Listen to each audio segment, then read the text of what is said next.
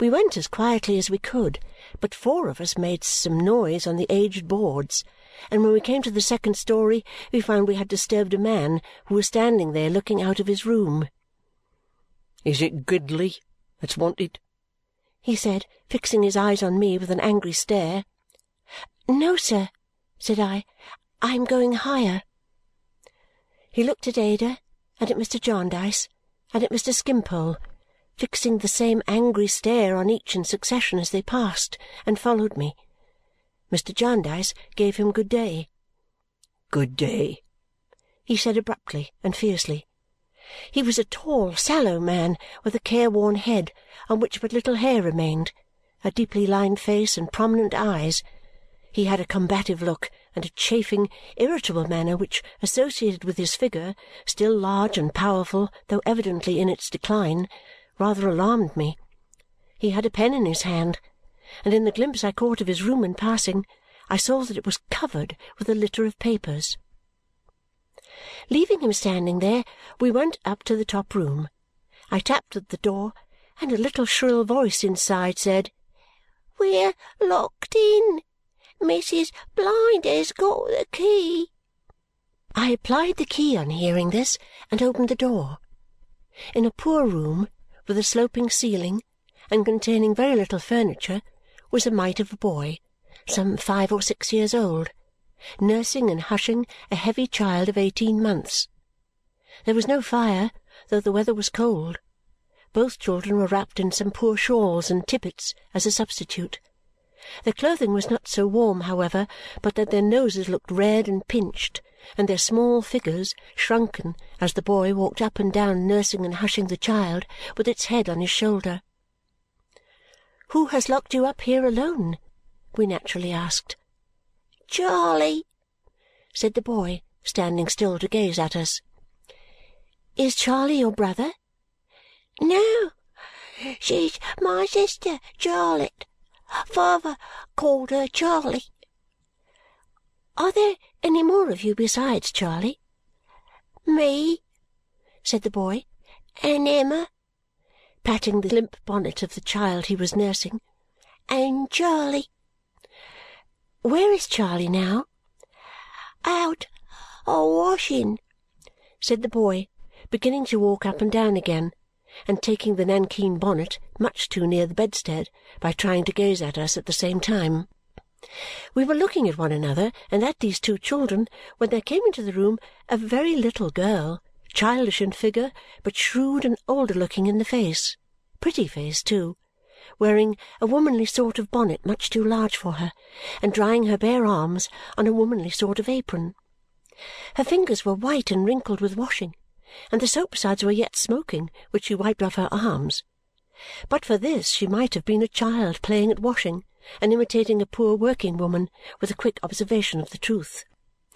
She had come running from some place in the neighbourhood and had made all the haste she could. Consequently, though she was very light, she was out of breath and could not speak at first, as she stood panting and wiping her arms and looking quietly at us. "Oh, here's Charley!" said the boy. The child he was nursing stretched forth its arms and cried out to be taken by Charley. The little girl took it in a womanly sort of manner belonging to the apron and the bonnet and stood looking at us over the burden that clung to her most affectionately. "Is it possible?" whispered my guardian as we put a chair for the little creature and got her to sit down with her load, the boy keeping close to her, holding to her apron. "That this child works for the rest. Look at this. For God's sake, look at this!" It was a thing to look at. The three children close together, and two of them relying solely on the third, and the third so young and yet with an air of age and steadiness that sat so strangely on the childish figure. Jolly, Charley," said my guardian, "how old are you?" "Over thirteen, sir," replied the child. "Oh, what a great age!" said my guardian. "What a great age, Charley!" I cannot describe the tenderness with which he spoke to her. half playfully, yet all the more compassionately and mournfully. And do you live alone here with these babies, Charley? said my guardian. Yes, sir, returned the child, looking up into his face with perfect confidence. Since father died. And how do you live, Charley? Oh, Charley, said my guardian, turning his face away for a moment. How do you live? Since father died, sir, I've gone out to work. I'm out washing to-day. God help you, Charley, said my guardian. You're not tall enough to reach the tub. In pattens I am, sir, she said quickly. I've got a high pair as belonged to mother. And when did mother die, poor mother? Mother died just after Emma was born, said the child, glancing at the face upon her bosom. Then father said I was to be as good a mother to her as I could, and so I tried, and so I worked at home and did cleaning and nursing and washing for a long time before I began to go out, and that's how I know how. Don't you see, sir? And do you often go out? As often as I can, said Charley, opening her eyes and smiling, because of earning sixpences and shillings. And do you always lock the babies up when you go out? To keep 'em safe, sir, don't you see? Said Charley. Mrs. Blinder eh? comes up now and then, and Mr. Gridley comes up sometimes, and, perhaps I can run in sometimes, and they can play, you know, and, Tom ain't afraid of being locked up, are you, Tom? No, said Tom stoutly. When, when it comes on dark, the lamps are lighted down in the court, and they show up here quite bright, almost quite bright, don't they, Tom? Yes, Charley, said Tom almost quite bright. Then he's as good as gold, said the little creature. Oh, in such a motherly, womanly way. And when Emma's tired, he puts her to bed. And when he's tired, he goes to bed himself. And when I come home and, and light the candle and has a bit of supper, he sits up again and has it with me. Don't you, Tom? Oh, yes, Charley, said Tom. That I do. And either in this glimpse of the great pleasure of his life, or in gratitude and love for Charley, who was all in all to him, he laid his face among the scanty folds of her frock and passed from laughing into crying. It was the first time since our entry that a tear had been shed among these children.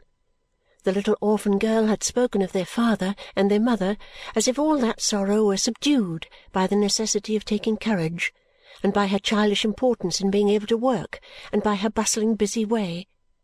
But now, when Tom cried, although she sat quite tranquil, looking quietly at us, and did not by any movement disturb a hair of the head of either of her little charges, I saw two silent tears fall down her face. I stood at the window with Ada, pretending to look at the housetops, and the blackened stack of chimneys, and the poor plants, and the birds in little cages belonging to the neighbours, when I found that Mrs. Blinder from the shop below had come in perhaps it had taken her all this time to get upstairs and was talking to my guardian. "It's not much to forgive him the rent, sir," she said. Who could take it from them? Well, well, said my guardian to us two. It is enough that the time will come when this good woman will find that it was much, and that forasmuch as much as she did it unto the least of these, this child, he added after a few moments, could she possibly continue this? Really, sir, I think she might, said Mrs. Blinder, getting her heavy breath by painful degrees. She's as handy as it's possible to be. Bless you, sir. The way she tended them two children after the mother died was the talk of the yard, and it was a wonder to see her with him. After he was took ill. It really was. Mrs. Blinder, he said to me, the very last he spoke, he was lying there. Mrs.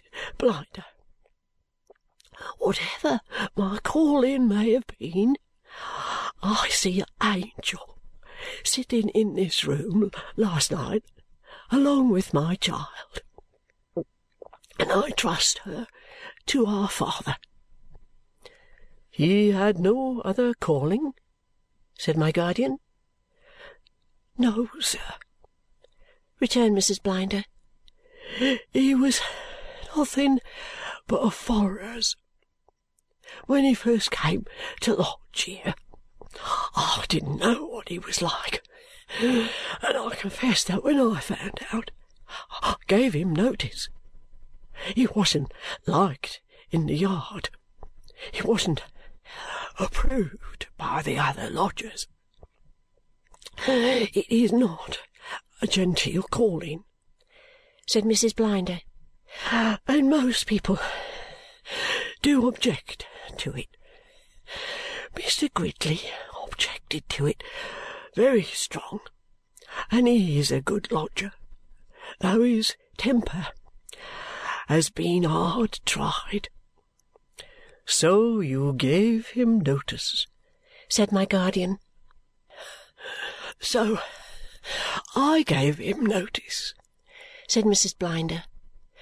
But really, when the time came, and I knew no other ill of him, I was in doubts.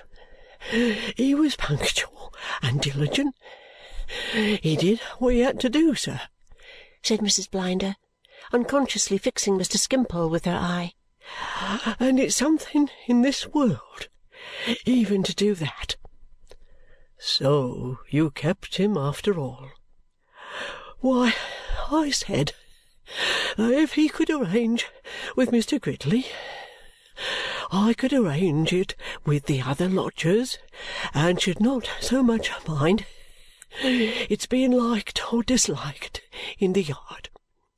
Mr. Gridley gave his consent, gruff, but gave it. He was always gruff with him, but he has been kind to the children since. A person is never known till a person is proved. Have many people been kind to the children? asked Mr. Jarndyce. Upon the whole, not so bad, sir, said Mrs. Blinder, but certainly not so many as would have been if their father's calling had been different. Mr. Coavins gave a guinea, and the followers made up a little purse. Some neighbours in the yard that had always joked and tapped their shoulders when he went by came forward with a little subscription and, in general, not so bad. Similarly with Charlotte. Some people won't employ her because she was a follower's child. Some people that do employ her cast it at her. Some make a merit of having her to work for them, with that and all her drawbacks upon her, and perhaps pay her less and put upon her more. But she's patienter than others would be, and is clever too, and always willing, up to the full mark of her strength and over. So I should say, in general, not so bad, sir, but might be better. Mrs. Blinder sat down to give herself a more favourable opportunity of recovering her breath, exhausted anew by so much talking before it was fully restored.